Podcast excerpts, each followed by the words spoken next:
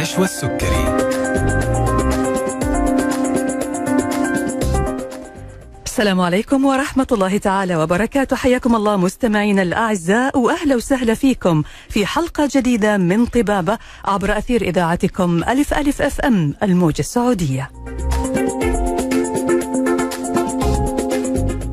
برنامج طبابة بنطرح وبنناقش من خلال العديد من المواضيع الطبية الهامة وبنستعرض المستجدات في تشخيص وعلاج الأمراض وكيفية الحفاظ على صحتنا وعافيتنا.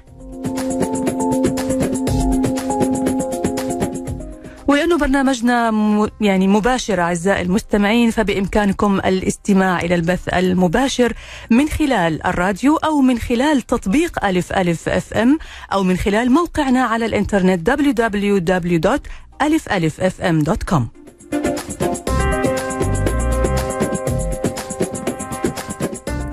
تقدروا كمان تتواصلوا معنا أعزائي المستمعين من خلال جميع حساباتنا على ال social media فيسبوك تويتر إنستغرام واليوتيوب أو حتى من خلال حسابنا على التيك توك. أو تتواصلوا معنا مباشرة بالاتصال على رقم البرنامج 012 61 61 100 أو إرسال رسائلكم على الواتس 055 66 89 01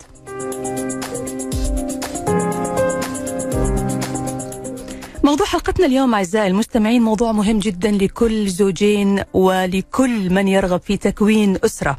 الإنجاب وتكوين الأسرة من أهم الأمور في حياة أي زوجين. ومع ذلك قد تواجه بعض الأزواج صعوبات في تحقيق هذا الحلم اللي كانت تعتبر في السابق تحدي كبير. لكن بفضل الله تعالى ومع تطور التكنولوجيا والأبحاث الطبية هناك اليوم وكل يوم أمل جديد وفرص متزايدة لحل هذه المشكلة.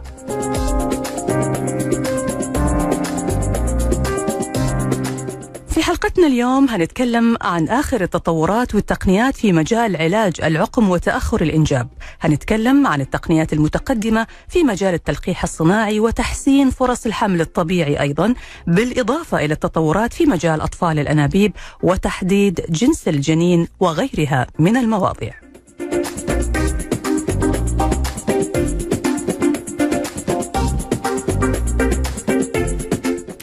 وللحديث عن هذا الموضوع. يسعدنا أن يكون معنا في حلقتنا اليوم الدكتور فواز أديب إدريس استشاري نساء والولادة والحمل الحرج وأطفال الأنابيب والأستاذ المشارك بجامعة أم القرى. حياك الله دكتور فواز وأهلا وسهلا فيك. حياك الله دكتورة نشوى سعيد جدا بلقائك أنت وجميع ال- المستمعين. الله يسلمك. وكان لنا لقاء سابق. زي ما اتفقنا إحنا ما حنقول متى لا لا ما هنقول خليه سر بس اللي يبحث على النت ممكن يلاقي الحلقة من زمان موجودة. من زمان قبل يعني سنة قصدي يعني تقريبا. عموما نحن اليوم سعداء بوجودك معنا وأنا أعتبر دائما دكتور إن وجودك معنا هو بمثابة أمل. آه، أمل نحاول إنه إحنا نلقي عليه الضوء لكل من يرغب في تكوين أسرة للأزواج اللي بيحلموا بهذا الحلم. للناس اللي عندهم معاناة لسنوات إحنا يعني نقول اليوم بنحاول دائما نتكلم عن التطورات والجديد في مجال علاج العقم وتأخر الإنجاب. يا رب الله يجعلنا حسن الظن الله. يعطيك العافية. طيب بما إنه تخصص حضرتك طبعا الحمل الحرج وأطفال الأنابيب ويعني هذا مجالك الدقيق آه، قبل ما ندخل في آخر التطورات والتقنيات والطرق الحديثة لعلاج آه، العقم وتأخر الإنجاب أعرف طبعا إنه تشخيص الحالة آه، أو معرفة سبب تأخر الإنجاب وتأخر الحمل هو بناء عليه بيتم وضع الخطة اللي بيمشي عليها الدكتور. فخلينا في البداية ناخذ هذه الجزئية وبعد كده نتكلم عن كيف نحلها إيش الجديد في علاجها كيف ممكن يكون في فرص جديدة لتحسين الحمل مثلا أو فرص الحمل الطبيعي. طيب هو طبعا شوفي إحنا دائما دائما أنا أقول لهم طب تأخر الإنجاب مختلف شوية عن الطب ال ال ال الآخر أو عن سائر أنواع الطب الثانية. آه، إحنا ما بنتعامل هنا مع مرض إحنا بنتعامل في أغلب الأحيان مع آه، رغبة. صحيح. هدف. مم. زي السفر. معلش وإذا يعني سامحوني في التشبيه بس السفر أنت بتسافري مكان معين السؤال إيش الوسائل اللي قدامك للسفر؟ إيش الوسائل المتاحة؟ أنت تبغي أبسط الوسائل مم. لكن هل تقدر توصل لك هذه الوسيلة ولا لا؟ تبي تروح على رجلك هل تقدر تروحي ولا لا؟ صحيح آه مدى نجاحها؟ كم حتكلفك؟ آه إذا لها تكلفة طبعا مم. آه وخلافه، فإحنا طب الإنجاب هو آه آه طب هدفي أبغى أوصل لهدف اللي هو الإنجاب وكل زوجين هم اللي يحددوا متى يبغوا يوصلوا لهذا الهدف؟ نعم. كيف يبغوا يوصلوا له؟ مم. والموضوع نسبي. يعني دائما أقول للناس في ناس متأخرة خمس سنوات وتعرض عليهم المساعدة يقول لك أدينا كمان سنة. حلو. متقبلين يعني. متقبلين. وهم هم ما يبغوا تدخل. وفي ناس متزوجين أقول لهم أمس في الليل ويجي يقولوا الآن نبغى. نبغى الحمل. أيه. ما نعرف ظروفهم ما نعرف تفكيرهم. آه والدته دائما أنا ادي مثلا أقول والدته مريضة. يبغى يلحق يخلف مم. يتزوج متأخر وإلى آخره. وبعدين وبعدين معلش نكمل ال- ال- الوصلة دي خلينا نقول لو في زوجين عندهم مشكلة مم. مشكلة في الإنجاب لكن في النهاية حملت الزوجة المشكلة بالنسبة لهم ما لها قيمة يعني مثلا لو في رجل عنده ضعف في الحياة المنوية مم. لكن زوجته حملت ما يفرق معها كلمة ضعف في الحياة. المنوية. أيوه لأن ضعف الحياة المنوية ما له علاقة بال... بالأمور الزوجية الثانية صحيح والعكس صحيح لما يجيك زوجين ونقول لهم والله تحاليلكم كلها سليمة لكن هم ما انجبوا مم. هيقول لي أوكي تحاليلي سليمة بس فين البيبي؟ أيوه أيوة. وليش ما صار إلى الآن الحمل مم. صحيح. جميل طيب خلينا الآن يا دكتور آه نعرف لما بتيجي لحضرتك حالة عندهم مثلا عدة سنوات آه ما صار حمل نعم. وتأخروا في الإنجاب إيش بتعمل معاهم خلينا ناخذها من البداية علشان ناخذ التسلسل المنطقي للأحداث حاضر آه يعني ناخذها بالمنطق بالمنطق. عشان يحصل حمل نحتاج ثلاث عناصر مم. بويضة تلتقي مع الحمل المنوي في قناة فالوب نعم. عن طريق الجماع طبعا. مم. فنبحث في هذه الأربعة أشياء. يعني نتأكد إنه في تبويض عند الزوجة. مم. ونتأكد إنه في حيوانات منوية طبعا ولها طبعا معايير معينة وكذا. ونتأكد إنه قناة فالوب مفتوحة وإنه يحصل العلاقة الزوجية. فهذه الاربع ال- ال- الأشياء اللي حنركز عليها سواء في أسئلتنا أو في تحاليلنا أو في اشعاعاتنا أو في فحوصاتنا أو حتى في تدخلنا الطبي. تمام. فبالنسبة للتبويض إذا الوحدة دورتها منتظمة ونقيس الهرمونات حقت ال- التبويض ونعمل ultrasound أو سونار ونشوف المبيض. كذا. إحنا شيكنا على المبيض. نعم. قناة فالوب بالعادة آه، نشيك عليها بما يسمى بأشعة الصبغة اللي هي الأشعة اللي تحقن آه، عن طريق الرحم. ونشوف قناة فالوب مفتوحة ولا لا. وبعد كذا طبعا الحيوانات المنوية له تحليل السائل المنوي. آه، وطبعا في أنواع كثيرة من التحاليل. ما أعرف إذا بنتكلم فيها. في التحليل البسيط وفي التحليل ال advanced وفي شيء اسمه تكسر الحمض النووي وإلى آخره. طبعا كل واحدة بحسب الحالة لكن طبعا نبدأ ب التحليل ال- البسيط أو الأدفانس. تمام. وطبعا موضوع ال- ال- ال- ال- الجماع والعلاقه الزوجية عن طريق- طبعا طرح الاسئله والى آخره، فهذه الأربع عناصر اللي اللي بها بعد الله سبحانه وتعالى بيتم موضوع الحمل. تمام. طيب الآن بعد اكتشاف السبب اللي من التشخيص طبعا تشخيص الحالة وعرفت ليش إلى الآن ما تم الحمل تبدأ تتخذ أو تتبع طرق معينة وتقنيات أيضا مختلفة علشان نساعد هدول الزوجين. فكيف بتبدأ؟ يعني أعتقد إحنا ما بنروح للحقن المجهري والأشياء هذه هذه بتكون في نهاية السلسلة أو المحاولات. فكيف بتبدأ معاهم يا دكتور؟ هو شوفي كثير من الأزواج مم. يجوني ويقولوا لي نفس الكلمة أنت قلتيها، أيوه. يقول لي أنا أبغى هذه آخر حل، أها أقول طب لو كانت هذه هي أول حل بالنسبة لك، يعني بمعنى عفوا آه. لو جاني زوج مم. عنده انعدام في الحياة المنويه أو ضعف شديد في الحياة المنويه خلص ما عندي هذه ما حتكون إنه آخر حل، هذه أول حل، السؤال هم متى يبغوا يلجؤوا لهذا الحل هذا قرارهم،. فلما أنت تقولوا والله بحسب ال- التحاليل حقتكم واشعاعاتكم أو وات ايفر أو هذا إنه الأمثل حل، وإحنا دائما نقول ما في ما عندنا حاجة اسمها الحل الوحيد، مم. إحنا نقول الأمثل،. فأمثل حل بالنسبة لهم هو أطفال أنابيب،. هم يسووها الآن ولا بعد خمس سنين هذا قرارهم. صحيح ف... ف يعني أنا خليني أجيبها بطريقة ثانية، أمس كانوا مروا علي زوجين بقول أمس بشتكي لواحد من من أصحابي بقول له مو بشتكي يعني بقول له بقول له معظم الحالات اللي تجيني أنا تكون حالات معقدة اوريدي سووا عدة محاولات وسووا كذا يا أخي من زمان ما جاني حالة كذا زوجين. دوبهم متزوجين وحلوين إيه. فبعد كذا يمكن بنص ساعة جاني زوجين زي كذا.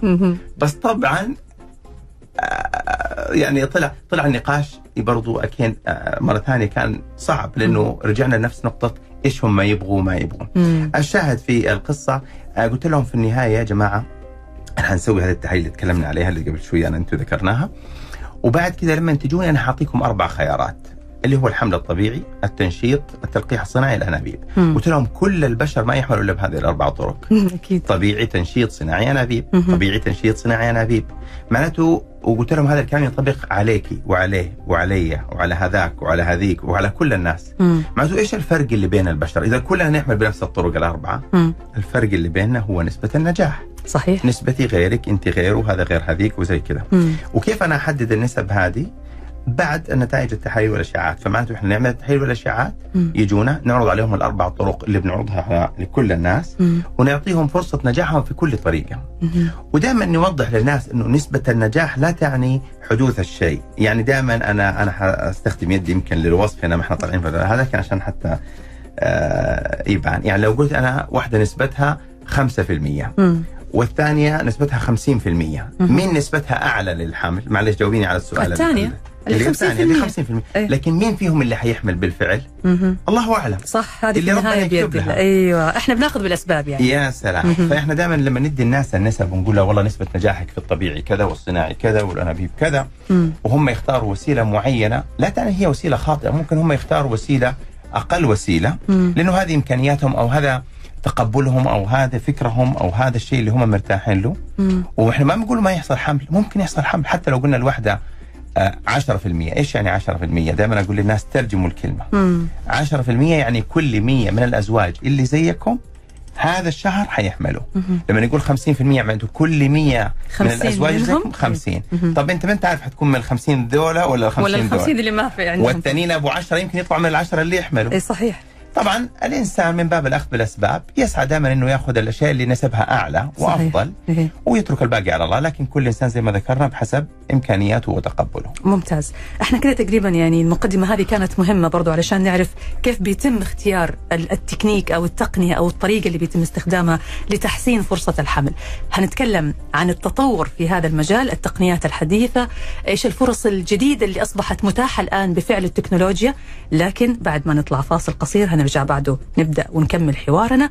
نستقبل اتصالاتكم أعزائي المستمعين على هاتف البرنامج 012 61 61 100 ورسائلكم على الواتس 055 66 89 01 ومعانا اليوم الدكتور فواز أديب إدريس استشاري النساء والولادة والحمل الحرج وأطفال الأنابيب. فاصل وراجعين.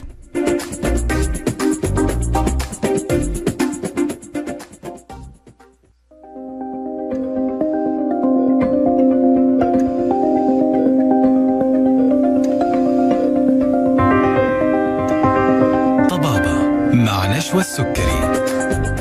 حياكم الله من جديد مستمعينا الأعزاء وأهلا وسهلا فيكم مرة ثانية في طبابة على ألف ألف. مع ضيف حلقتنا الدكتور فواز أديب إدريس استشاري النساء والولادة والحمل الحرج وأطفال الأنابيب. موضوعنا اليوم عن الجديد في علاج العقم وتأخر الإنجاب. تقدروا تتصلوا على البرنامج على الرقم 012 61 61 100 أو ترسلوا لنا على الواتس 055 66 89 01 وتحية خاصة لمتابعي حساب الدكتور فواز اديب إدريس على الإنستغرام. طبعا بيتابعونا الآن يعني في البث المباشر. طبعا برضو بنقول لهم حياكم الله. أي سؤال حابين تسألونا اياه تقدروا ترسلوه على حساب الدكتور فواز وإن شاء الله الدكتور هيجاوب عليكم عبر اثير الإذاعة. أرحب فيك دكتور فواز مرة ثانية واهلا وسهلا فيك. الله يحييك دكتور الله يسلمك. طيب آه، دكتور آه، في معانا اتصال. لسه ما بدينا خلينا ناخذ الاتصال عشان ما نتأخر. يا هلا وسهلا. أهلا مساء الخير يا هلا مساء؟ النور حياكي. أهلا وسهلا. نعم أنتم بخير. أنا وفاء من الجنوب. عندي سؤال للدكتور. أي تفضلي. تفضلي يا وفاء. سؤالي هو المرأة اللي تتزوج في سن متأخرة وهي شابة غير متزوجة مثلا وصلت سن 50 40 وهي ما هي متزوجة هل ممكن تحمل ولا فرص الإنجاب تكون عندها صعبة وضعيفة بسبب كبر سنها؟ تمام سؤالك والله سؤال مهم جدا وإحنا اوريدي كنا هنتكلم. عنه اللي هو فرص الحمل أمام المرأة أيوة، أيوة. اللي تزوجت في. سن متأخر شكرا لك هجاوب على السؤال بس لما يجي وقته طيب آه السؤال هذا دكتور هنتكلم عنه بالنسبة للنساء اللي تأخروا في الزواج صحيح. اللي ما سبق لها الزواج قبل كذا وما تبغى تفقد فرصتها في الحمل والإنجاب. ممكن قبل ما أدخل في هذا أعرج عليه لأنه طيب. هو مرتبط بالكلام اللي قلته. فاكر لما قلت لي أول اختيار وآخر اختيار؟ إيه. هذه من الأمثلة اللي أول اختيار وأمثل اختيار بالنسبة لهم هو أطفال الانابيب أكيد. يعني لو جت أنا أي وحده دائما أقول للناس لما يجوني أعمارهم 40 أقول لها انت صغيرة وبطلة وشاطرة وممتازة. أول شيء لأنها اصغر مني. هي رفع المعنويات هي لا بس أقول لها ولكن للإنجاب ما انت صغيرة. أيوه. فبالتالي إحنا لازم نلجأ لأقوى وسيلة وليست الوسيلة الوحيدة. فهذه هذه من الأمثلة اللي إحنا ننصحهم بأطفال الأنابيب من أول الزواج، ليس لأنها مضمونة هي غير مضمونة وليس لأنه نسبة نجاحها عالية ولكنها هي أفضل وأحسن وأقوى وسيلة. وما عندها وقت كثير من ناحية الانجاب. الوقت ضيق الوقت مم. واللي تأخرت ولسه ما تزوجت وحابة إنها تضمن فرصها في نتكلم عنها في حلقة ثانية. أنا عارفة طيب ماشي يا دكتور طيب خلينا دكتور الآن نتكلم عن آه، الطرق أو البروتوكولات أو ال- الخطط العلاجية مثلا اللي حضرتك بتتبعها علشان تساعد المرأة على الحمل وسرعة ال- الإنجاب بإذن الله تعالى يعني. نعم. أو على سرعة الحمل والإنجاب. وما في حاجة اسمها سرعة إنجاب. صح سرعة حمل. فخلينا نتكلم معك مع يعني أنا نبغى الآن ندخل على الموضوع هذا ناخذ أحدث التقنيات أو أحدث الطرق. ما شاء الله أول شيء دكتور نشوى أنا أنا كان لي لقاء سابق معك يعني من أكثر الناس الناس ثقافه أو المحاورين تسلم يا دكتور. آه يعجبني كذا توضيحاتك لبعض الأشياء. الله يسلمك. طيب. آه طيب زي ما تفضلتي هو طبعا يعني في يعني آه، في أشياء خاصة بالتقنية وفي أشياء خاصة بالبروتوكولات زي ما تفضلتي. آه وهذه برضو لها علاقة بالناس اللي استجابتهم ضعيفة. يعني بدينا دحين نستخدم حاجة اسمها الدول ستيميليشن يعني؟ طبعا آه طب بس أقول حاجة عنها.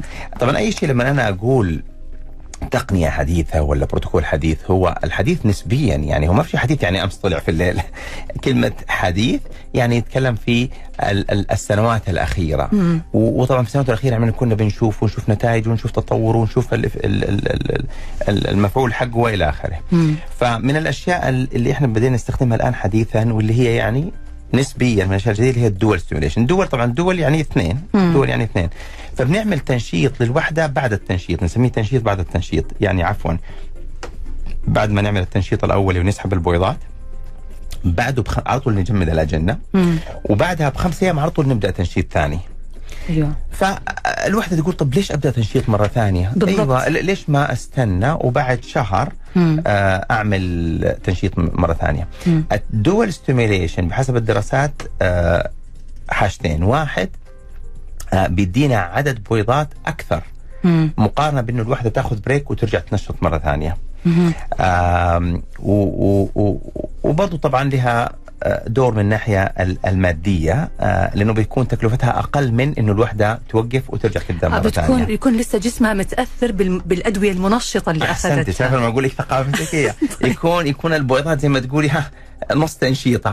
لأنه هو إيش يسوي؟ هذا نعطيها لمين؟ هذا مو كل الناس طبعا ينفع لهم. آه أول شيء الوحدة أنتجت بويضات كثيرة ما تحتاجه. مم. واحدة أنتجت بويضات قليلة وما زال عندها بويضات ما كبرت، إحنا نقول جريبات فلنفرض إنه الجريبات مقاسات. مم. فبعضها وصلت للحجم المطلوب بعضها ما وصلت للحجم المطلوب وسحبنا إحنا هذولا نقدر نرجع ننشط هذولا عشان نكبرهم اللي هم كانوا برايمد يعني معرضين للدواء في الفترة الماضية. أيوه. ونعطيهم إحنا على طول تنشيط مرة ثانية. نساعدهم أكثر على إنهم يتنشطوا. يا سلام. يعني هي الطريقة العادية اللي كانت متبعة هو إنه المرأة بتاخذ أدوية منشطة علشان تساعد ال- المبيض إنه يفرز كمية أكبر من ال- البويضات اللي بيتم سحبها من المبيض وبعد كده آه، تلقيحها بالحيوانات المنوية، هذه كانت الطريقة العادية. وارجعها وارجعها مرة ثانية. دحين ما نرجع. نجمدها أيوه نجمد الأجنة مهم. وبعد كده نبدأ التنشيط على خامس يوم مرة ثانية. طبعا هو مو بس بسبب إنه أخذت منشطات يعني في أشياء كثيرة بس نحن ما ندخل في تفاصيل الباثوفيسيولوجي ال- أيوة التفاصيل كده. الطبية الدقيقة هذه أيوة. أيوة. النتيجة النهائية أيوه لكن ال- المفعول الادويه هذه آه، يعني يعطينا فرصة للتنشيط مرة ثانية. طيب لما بتنشط مرة ثانية معناها إنه بترجع تسحب بويضات جديدة؟ أحسنتي. وتجري عليها العملية من جديد وبعدين ترجع إحنا قلنا ما بنرجع البويضات خلاص. ونجمدها برضو الثانية. طيب بعدين إيش يصير؟ نفضل نجمد. نجمد البويضات لمتى؟ لا لا حنجمد المجموعه الثانية بعدين كلها مع بعض يتم إذابتها في دورة لاحقة. أيوه. نسميها دورة الإرجاع المجمد. يعني حضرتك كده بتعمل عمليتين في عملية واحدة. يعتبر. تقريبا خلينا نقول إيه. عملية ونص. طيب ماشي. إيه. طيب هناخذ اتصال.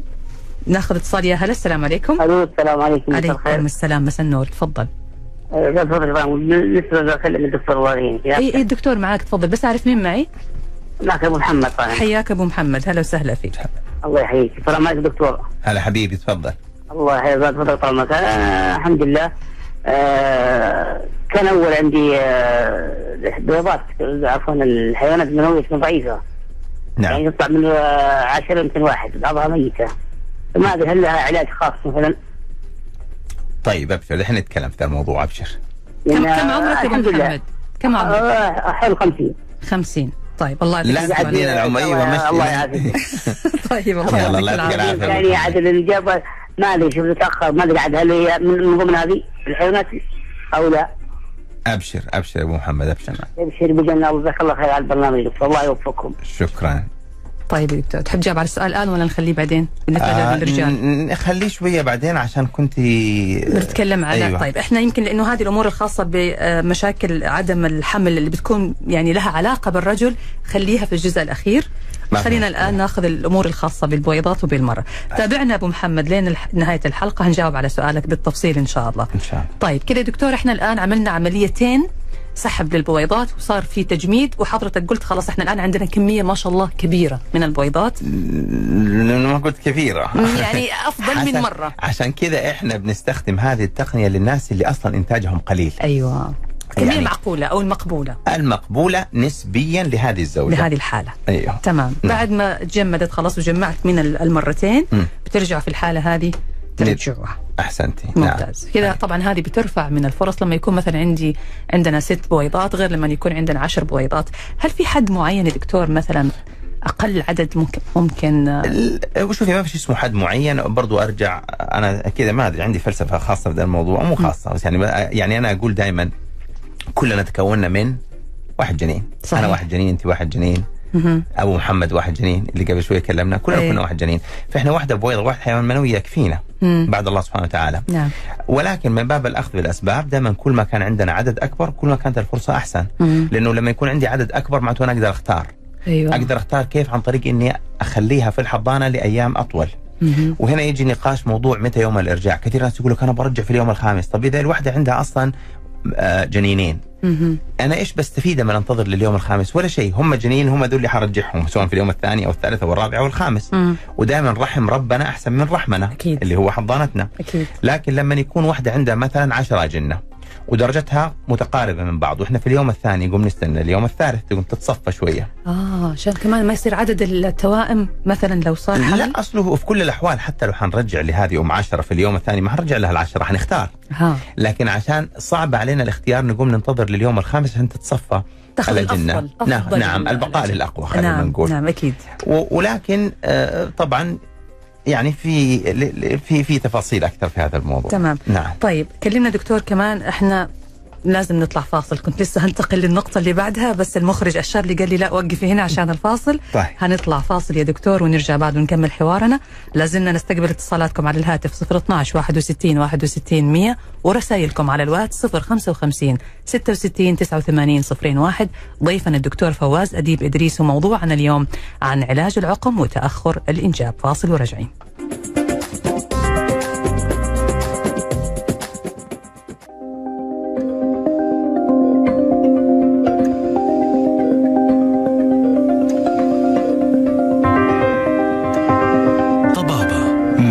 مع نشوى السكري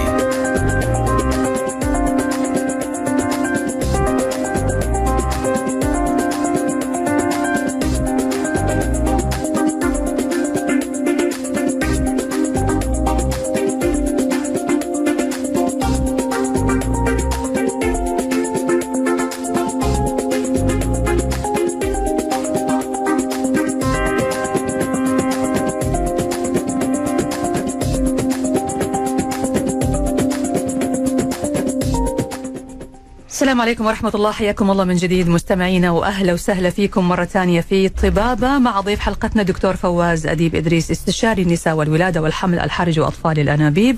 موضوعنا اليوم عن الجديد في علاج العقم وتأخر الإنجاب. نستقبل اتصالاتكم على الهاتف 012 61 61 100 أو رسائلكم على الواتس 055 66 89 صفرين. واحد بنرحب فيكم مستمعينا وأيضا بمتابعي الدكتور فواز أديب إدريس عبر حسابه في الانستغرام. طيب دكتور حياك الله مرة ثانية. الله يحييك إن شاء الله الوقت يا دكتور ضيق وصراحة الموضوع معك ما شاء الله تبارك الله يبغى له عدة حلقات مو حلقة واحدة فخلينا ناخذ الخلاصة يعني. okay طيب إحنا الآن تكلمنا عن التقنية هذه أو التكنيك هذا الأسلوب اللي هو ال dual stimulation أو التنشيط المزدوج حالتين في حالة زي ما مزدوج. نعم صح والآن يا دكتور بالنسبة لتحديد جنس ال- الجنين يعني كان في لقاءات سابقة شفت لحضرتك لقاء مرة كنت بتتكلم عن هذا ال- الموضوع وبرضه قلت لي تطور بشكل كبير بفضل إنه صار في بروتوكولات مختلفة حسنت من هذه العملية. كلمنا عن هذا الجانب. طيب أول شيء بس تعريج على كلمة معلش سوري أنت قلتي تحديد زي ما كثير من الناس بتقول. إي. أنا دائما أقول لهم هو كلمة ال- الكلمة الصحيحه هي اختيار جنس الجنين لأنه التحديد يعطي انطباع عند بعض الناس إنه إحنا بنحدد. أها. اللي يحدد ربنا. ونعم بالله. إحنا دورنا في الاختيار. نعم. آه عشان كذا هو يعتبر من باب الأخذ بالأسباب مم. فإيش يعني يعني هذه البويضات سحبت حيوانات منويه تلقى لقحناها فيها تكونت الأجنة اللي مم. كونها ربنا واللي حددها ولد ولا بنت ربنا نعم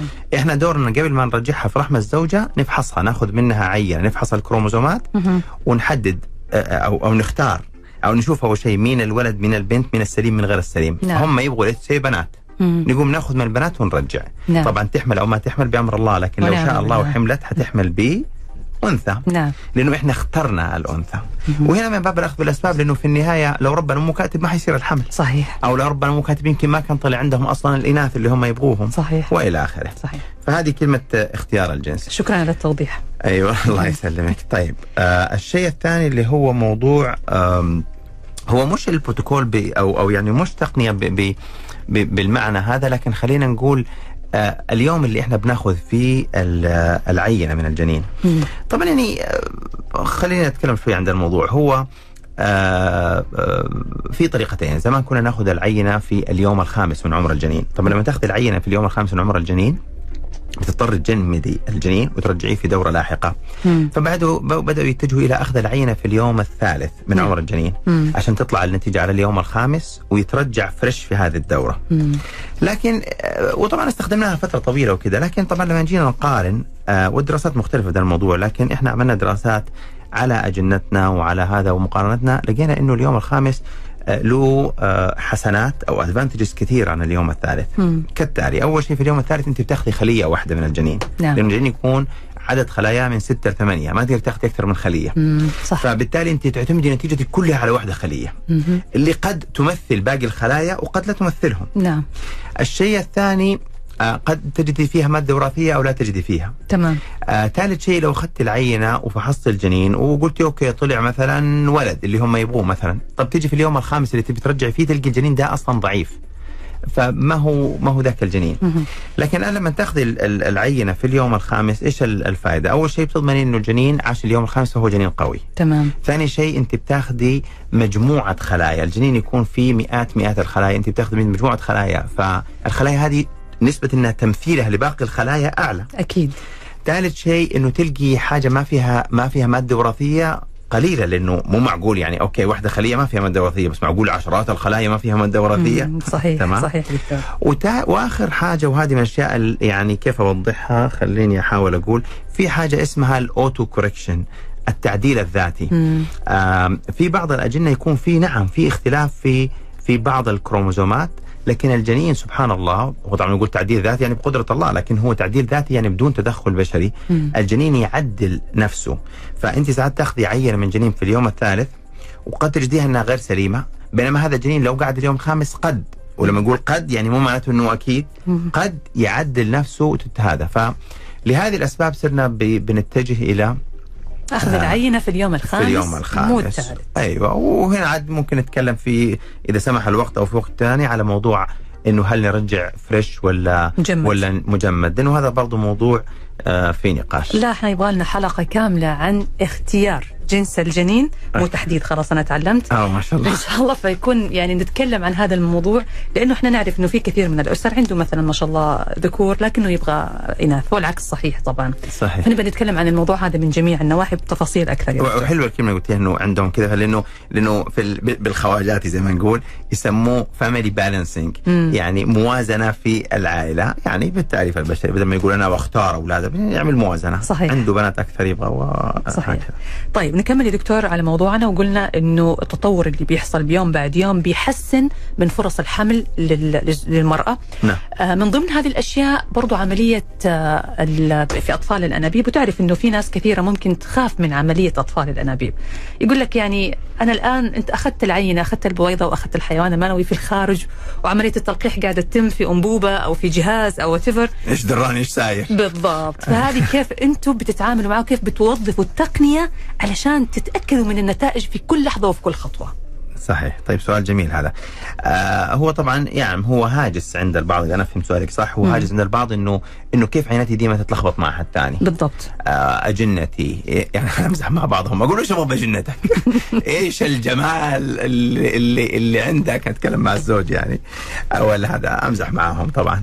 لكن نرجع للموضوع. طبعا شوفي طبعا أول شيء أي إنسان يقول الخطأ صفر هذا بيدعي عدم البشرية. طبعا. البشر يعني معرض للخطأ لكن أنت بتتكلمي على دقة عالية جدا جدا جدا. وأنا دائما أقول وأشبهها أقول لهم في تحليل الدم أو في نقل الدم لو أعطي أحد يعني لو أعطي أحد آه، عينة دم خاطئة أو فصيلة دم مختلفة قد تؤدي إلى وفاته.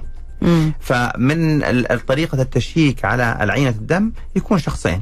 شخص يقرأ العينة الثاني يراجع معاه الاثنين يشوفوا الاثنين يوقعوا والى آخره. نعم. إحنا في اطفال انابيب اربعة يشيكوا. مم. هذا هو التشيك فإحنا نعتبره أكبر من موضوع الوفاة.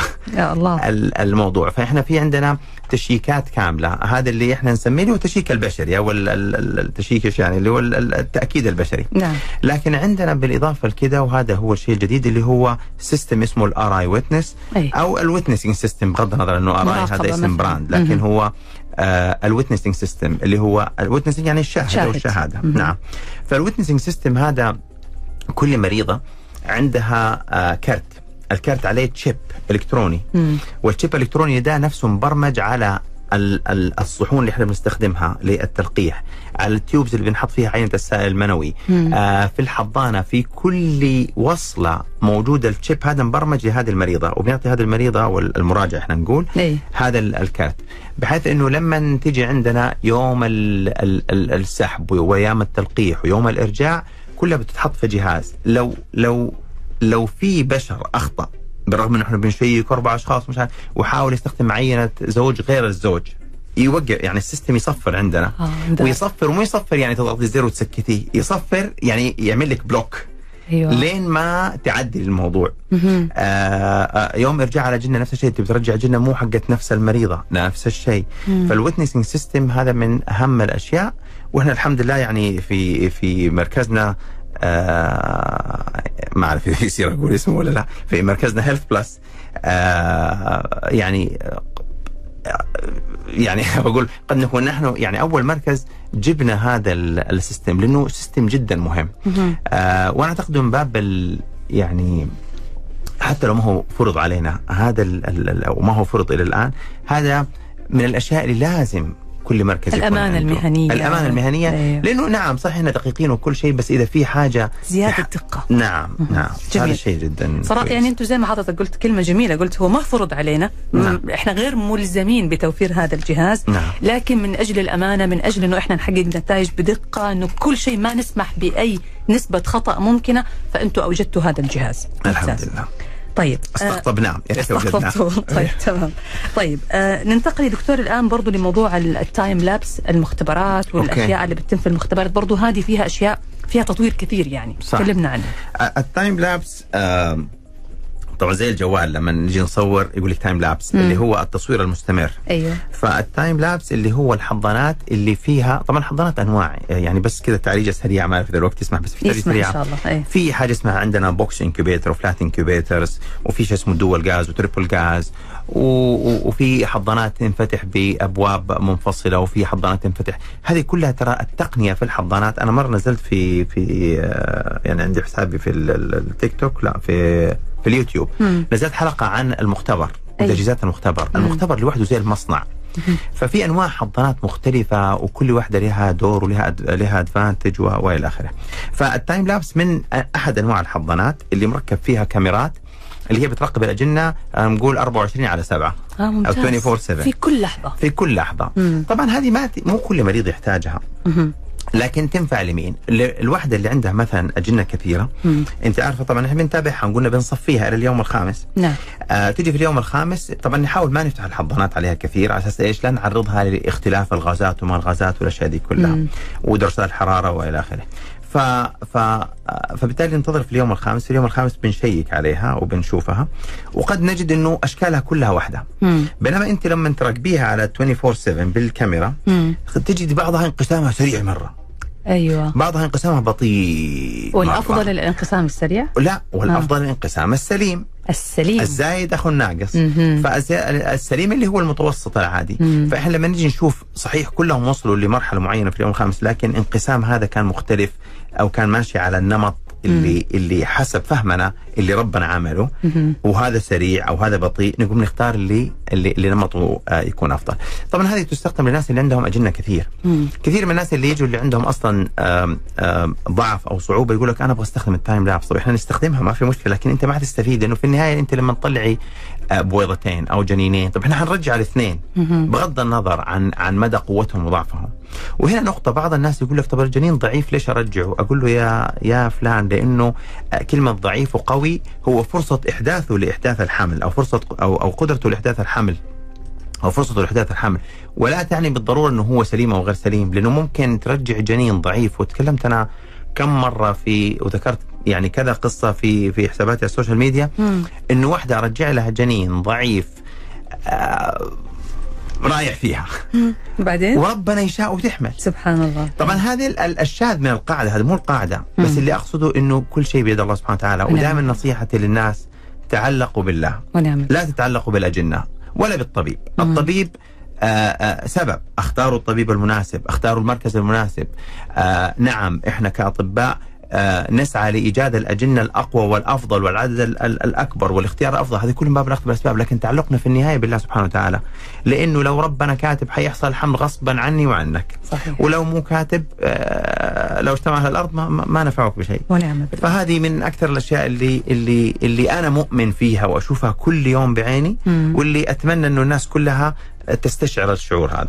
هو الحقيقة دكتور يعني يمكن اللي يسمعنا يقول أنتم قاعدين تتكلموا في تفاصيل طبية دقيقة لكن هذه التفاصيل الدقيقة مهم جدا إنه كل زوجين يبحثوا عن فرصة الحمل والإنجاب يعرفوها عشان يقدر يعرف إيش المكان الأنسب مين الدكتور الأفضل أنا لما أروح أدفع طبعا معروف إنه هذه العمليات بيتم دفع يعني مبالغ لها فلازم يكون عارف هو فين رايح وإيش الخدمة أو إيش الإجراء اللي هيتم اتباعه ونسب يعني الفرص المتاحة عنده قديش كم نسبتها صحيح حضرتك قلت كلمة جميلة إحنا بناخذ في الأسباب وفي النهاية كل شيء بأمر الله سبحانه وتعالى. وبالتالي فإحنا مطلوب منا انه نبحث في الأسباب ونشوف أفضل مكان راح يسخر لي الأسباب اللي ترفع من النسب هذه.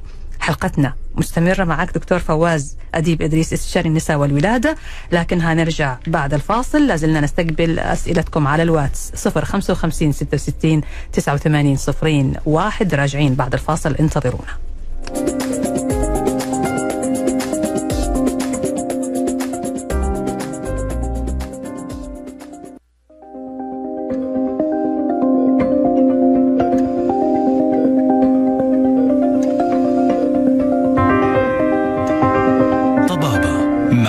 مع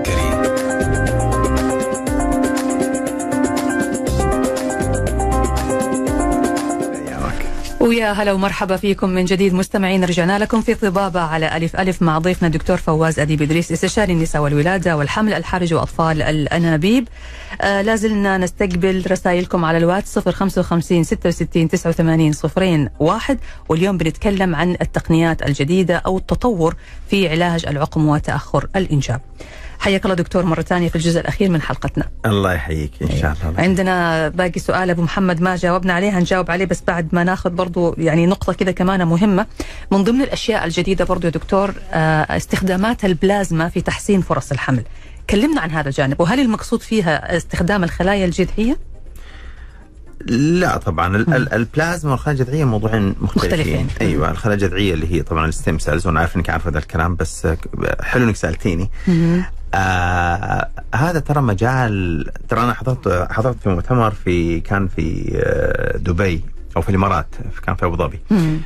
وكان في مجموعة من ال ال الدكاترة آه ليس أطباء بالضرورة بيتكلموا عن التطور في الخلايا الجذعية ودورها في العلاجات السرطانية والغير سرطانية والأشياء كذا. ترى علم عجيب علم جميل. أنا واقف حاس إنه فهمي صفر. سبحان الله أنت طبيب متخصص. ما متخصص؟ في ناس ما شاء الله تبارك الله وعلمها فال stem cells والخلايا الجذعيه هذه إن شاء الله لها دور وأثبتت طبعا نجاحها في في مجالات هذا. لكن ما زال استخدامها في طب تأخر الإنجاب لسه لسه شوية في الدور يعني إن شاء الله. ال- ال- الخلايا ال- البلازما لا موضوع مختلف. البلازما اللي هي طبعا الاسم المختصر حقها اللي هو ال PRP platelet rich plasma اللي البلازما الغنية بالصفائح الدموية. اي آه طبعا شوفي أول شيء طبعا هذه من ال- ال- ال gray zone اللي هي الرمادي أنا نقول لهم له أبيض وله أسود مم. يعني إحنا الشيء اللي أبيض نستخدمه الأسود ما نستخدمه زي كثير أشياء آه خلاص أثبتت عدم جدارتها بدل أو عدم عدم نجاح عدم جدواها. جدواها شكرا. عدم جدواها فبالتالي إحنا ما نستخدمها. فما حنتكلم عنها اليوم. لكن نتكلم عن الاشياء ال- ال- الرمادي اللي هي منها البلازما اللي هي بالنسبة لنا بدأت تتجه ناحية الأبيض ترى by the way يعني. بدأت تحقق نجاحات. بدأت تحقق نجاحات. وأنا أنا قدمت في مؤتمر برضو عن هذا الموضوع تكلمت عنه لأنه إحنا عملنا آه يعني آه ما بقول آلاف لكن يعني فوق. يعني عملنا مجموعة كبيرة من الحالات من البلازما. مم. فالبلازما إيش هي؟ دائما أنا أقول لهم البلازما يحقنوها دكاترة التجميل في البشرة وفي الشعر عشان تقوي الخلايا. معروف صحيح. قديش الناس تستفيد منها؟ ما حتدري مم. في ناس تستفيد كثير وفي ناس تستفيد شوية وفي ناس ما تستفيد. ما تستفيد شيء. إحنا نحقن بلازما في المبيض بهدف تقوية الخلايا. قديش الناس تستفيد؟ نفس الشيء كثير قليل أو ولا شيء. فنعرض لمين البلازما؟ نعرضها للوحدة اللي عمرها 40 وما فوق. أو اللي عمرها أقل من 40 بس عندها عدد البويضات قليل. okay. أو اللي عمرها تحت ال 40 وعندها بويضات كثير بس جودتها قليلة. تحسن من الجودة. فالهدف هو تحسين الجودة. قديش تستفيد إحنا ما ندري. بس أصلا ما عندنا حاجة تانية مثبتة علمية أنه هي تحسن من هذه الجودة. فإحنا ما دام ما زلنا في ال- الوصل الرمادي مم. فإحنا نستخدم معها الخلايا ال- ال- ال- البلازما هذه مم. ولقينا ترى إحنا راجعنا طبعا نراجع نتائجنا كل شوف. فترة والثانية ونشوف مم. نتائجنا نشوف ال- ال- ال- الأبحاث اللي نشرت ففي توجه الآن إناء أو يعني في بعض الدراسات بدأت تدي بدأ يطلع يطلع الضوء زي ما يقولوا من ال- الموضوع هذا مم. آه فإحنا لقينا لا إنه في ناس بتستفيد من موضوع البلازما استفادة عجيبة مهم. في عندنا بعض الحالات وطبعا هذا اجين مرة ثانية هذا ال- الشاذ من القاعدة ليس القاعده بس في ناس من كثر ما استفادت حملوا طبيعي في الفترة ما بين إحنا نعمل البلازما قبل ما نسوي الأنابيب بشهر ونص تقريبا. ففي في الشهر ونص ده حملوا. تقول طب okay ممكن يحملوا. طبعا ممكن كانوا يحملوا بالصدفة لكن أنت بتتكلم على ناس متأخرين 10 و12 سنة وأرقام عجيبة. مم. وفي الفترة دي آه، ربنا شاء إنه حملوا. وما هي ما هي حالة؟ تقريبا أظن مجموعة من ال- الحالات. لكن هذول الشاذ من القاعدة. البعض نعم. الآخر لا استفاد. من ناحية جودة الأجنة اللي طلعت أو عدد البيضات اللي طلعت أو نسبة حملها. وفي بعض الناس طبعا كأنك ما سويتي لهم ولا حاجة. مهم. وطبعا لسه ما زال الاختلاف في إنه كم جلسة آه، بلازما تعملي لها؟ هل هي واحدة ولا أكثر؟ هل تعيديها؟ متى تعملي الأنابيب بعد البلازما؟ هذه من الأشياء اللي طبعا يطول الشرح فيها. ولسه يعني قيد الدراسة وأنتم قاعدين تشوفوا النتائج بعد كل عملية منها. صحيح. ممتاز.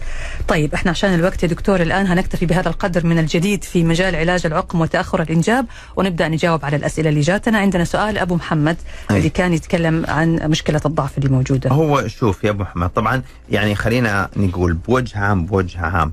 آه طبعا نعم في حالات من ال- الضعف في الحالات المنويه سواء طبعا الضعف ترى يشمل ضعف عدد ضعف حركة ضعف أشكال ضعف نوع الحركة في أشياء كثيرة في كلمة الضعف.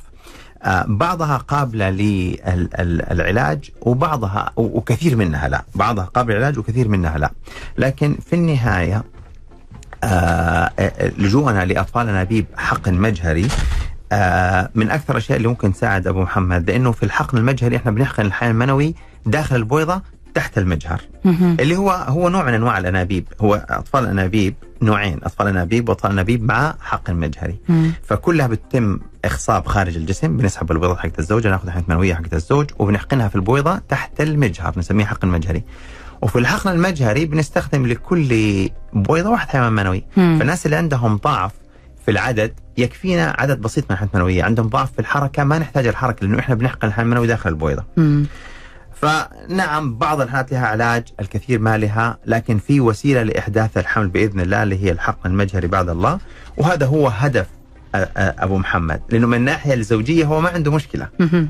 نعم. صحيح. طيب دكتور اختيار الحيوان المنوي الأفضل من وسط مجموعة قد تكون ليست بالكفاءة العالية اللازمة. نعم. هل يعطي فرصة أو إمكانية لحدوث تشوهات؟ هو طبعا آه okay أنت بتتكلم على اختيار الحيوان المنوي شوفي ال ال زمان أو يعني خلينا نبدأ بال- بال standard. ال- مم. الحيوان المنوي اختيارنا له يعتمد على حسب خلينا نقول شكله وحركته. تمام. آه للأسف. طبعا أنا دائما أقول للناس ترى أنتم تخيلوا يعني في ناس يعني إحنا نبسط الموضوع بس ترى هو شوية معقد أكثر من كذا. يعني. أنت تتكلمي على ال- البويضة اللي هي أصغر أك... سوري البويضة أكبر خلية في جسم الإنسان. خلية. أكبر. خليه البويضه. أكبر خلية في جسم الإنسان البويضة. نعم. وحجمها قد راس الدبوس. يا الله. مم. الحيوان المنوي أصغر منها بآلاف آلاف المرات. مم. يعني ما بقول مية ألف مرة بس يعني آه، يمكن مئات الآلاف المرات. مئات لكن الآلاف. الحيوان المنوي صغير جدا. مم. فأنت بتقول في اختيار الحيوان المنوي ما إحنا ما نقدر نختار نقدر نختاره على حسب ال DNA حقه والكلام لكن نختاره بحسب شكله وحركته. نعم. فمن واحد حيوان منوي يتحرك وواحد ما يتحرك ناخذ اللي يتحرك. مهم. لكن مو معناته اللي ما يتحرك ما يلقح. أها. لكن ناخذ اللي يتحرك. okay. فرصة آه، أفضل طبعا. فرصته أفضل. مم. اللي شكله سليم هو اللي ناخذه مم. آه، شكله سليم إيش يعني؟ حيوان منوي له رأس ورقبة وذيل وإلى آخره. فاللي شكله سليم من هذه الناحية مقارنة بالثانيين ناخذ طبعا اللي شكله سليم. وإلى آخره. طبعا جات حقبة من الزمان استخدموا حاجة اسمه التكبير. كنا نكبر شكل الحيوان المنوي مئات المرات بميكروسكوب معين. إيه. لكن هذه من الأشياء اللي اثبت أثبت إنها جهة الأسود إنه ما أدت اي أي ما اعطت. نتيجة فعلا. نعم. طيب هناخذ هذا السؤال هو سؤال طويل شوية بس للأمانة لازم نسأله. السلام عليكم ورحمة الله وبركاته. تحياتي للبرنامج. أنا عمري 43 سنة متزوج من ست سنوات وللأسف تقريبا حصل حمل لمرة واحدة لثلاث شهور وتم عمل جميع الفحوصات والتحاليل والأشعة. للأسف تم عمل حقن مجهري وفشل. إيش الحل؟ الحمل اللي حصل لمدة ثلاثة شهور سقط وتم عمل جميع التحاليل، والتحاليل سليمة بنسبة 100% ولا يوجد أي مشاكل، ولم آخذ وتم تم أخذ جميع المنشطات وإبر التفجير وعمل أشعة بالصبغة. يقول عمري 42 الزوجة 27 هل ممكن الحل يكون زواج مرة أخرى. لا لا تتزوج. لا لا لا. تبغى تعطي الدكتور يعطيك الموافقة يعني علشان الزواج؟ لا بس يعني يعني أول شيء الله أول شيء الله يبارك لهم إن شاء الله. أيوه. واول شيء طبعا موضوع إنه حصل إجهاض هذا ما يحتاج تحاليل ولا حاجة. مهم. بالنسبة لواحد إجهاض. و- وكلمة فشل خلينا نبطلها خلينا نستخدم نقول ما نجح. ما نجح والشيء الثاني خلينا أنا أعرج على- يعني أول شيء يبغى لكم عشان الوقت حق البرنامج بس هو. دكتور معليش إيه. يقول الحقن المجهري أنا ماني مقتنع فيه وبالأخص لما عملناه مرة للأسف لو في أي خلل ما كان نجح. فيقول مع التأكيد أنه تم عمل جميع التحاليل والأشعة وكل ما حدث إن أنه لا يوجد مشاكل نهائيا. لا لا غير إيه. صحيح. أول شيء طبعا يعني يعني أول شيء طبعا أنا طبعا هنا في نقاط كثيرة غير طبية أنا ممكن أجاوب عليها.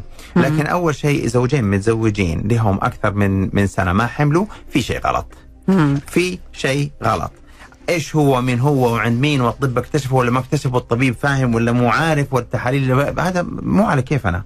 في شيء غلط مم. في سنن في الحياة ربنا خلقها مم. عفوا لما أنا أشرب الموية هذه وما أدخل دورة المياه في شيء غلط لأنه ربنا خلقنا كذا آه فلما في زوجين متزوجين وما حملوا خلال ثلاثة أربعة خمسة ستة شهور زي كل الناس أو خلينا نقول إلى سنة في شيء غلط. يحتاج تدخل. يحتاج مساعدة. أو مساعدة. آه نجي للمساعدة زي ما قلنا إذا كانت التحاليل نعم في حاجة اسمها تأخير حمل غير معروف السبب إلى اليوم. غير معروف السبب اليوم. مم. بكرة ممكن ينعرف السبب. يسموه unexplained infertility وهذا مثبت يعني علميا. إي. وزي ما قلنا في النهاية الزوجين إيش همهم؟ همهم النتيجة.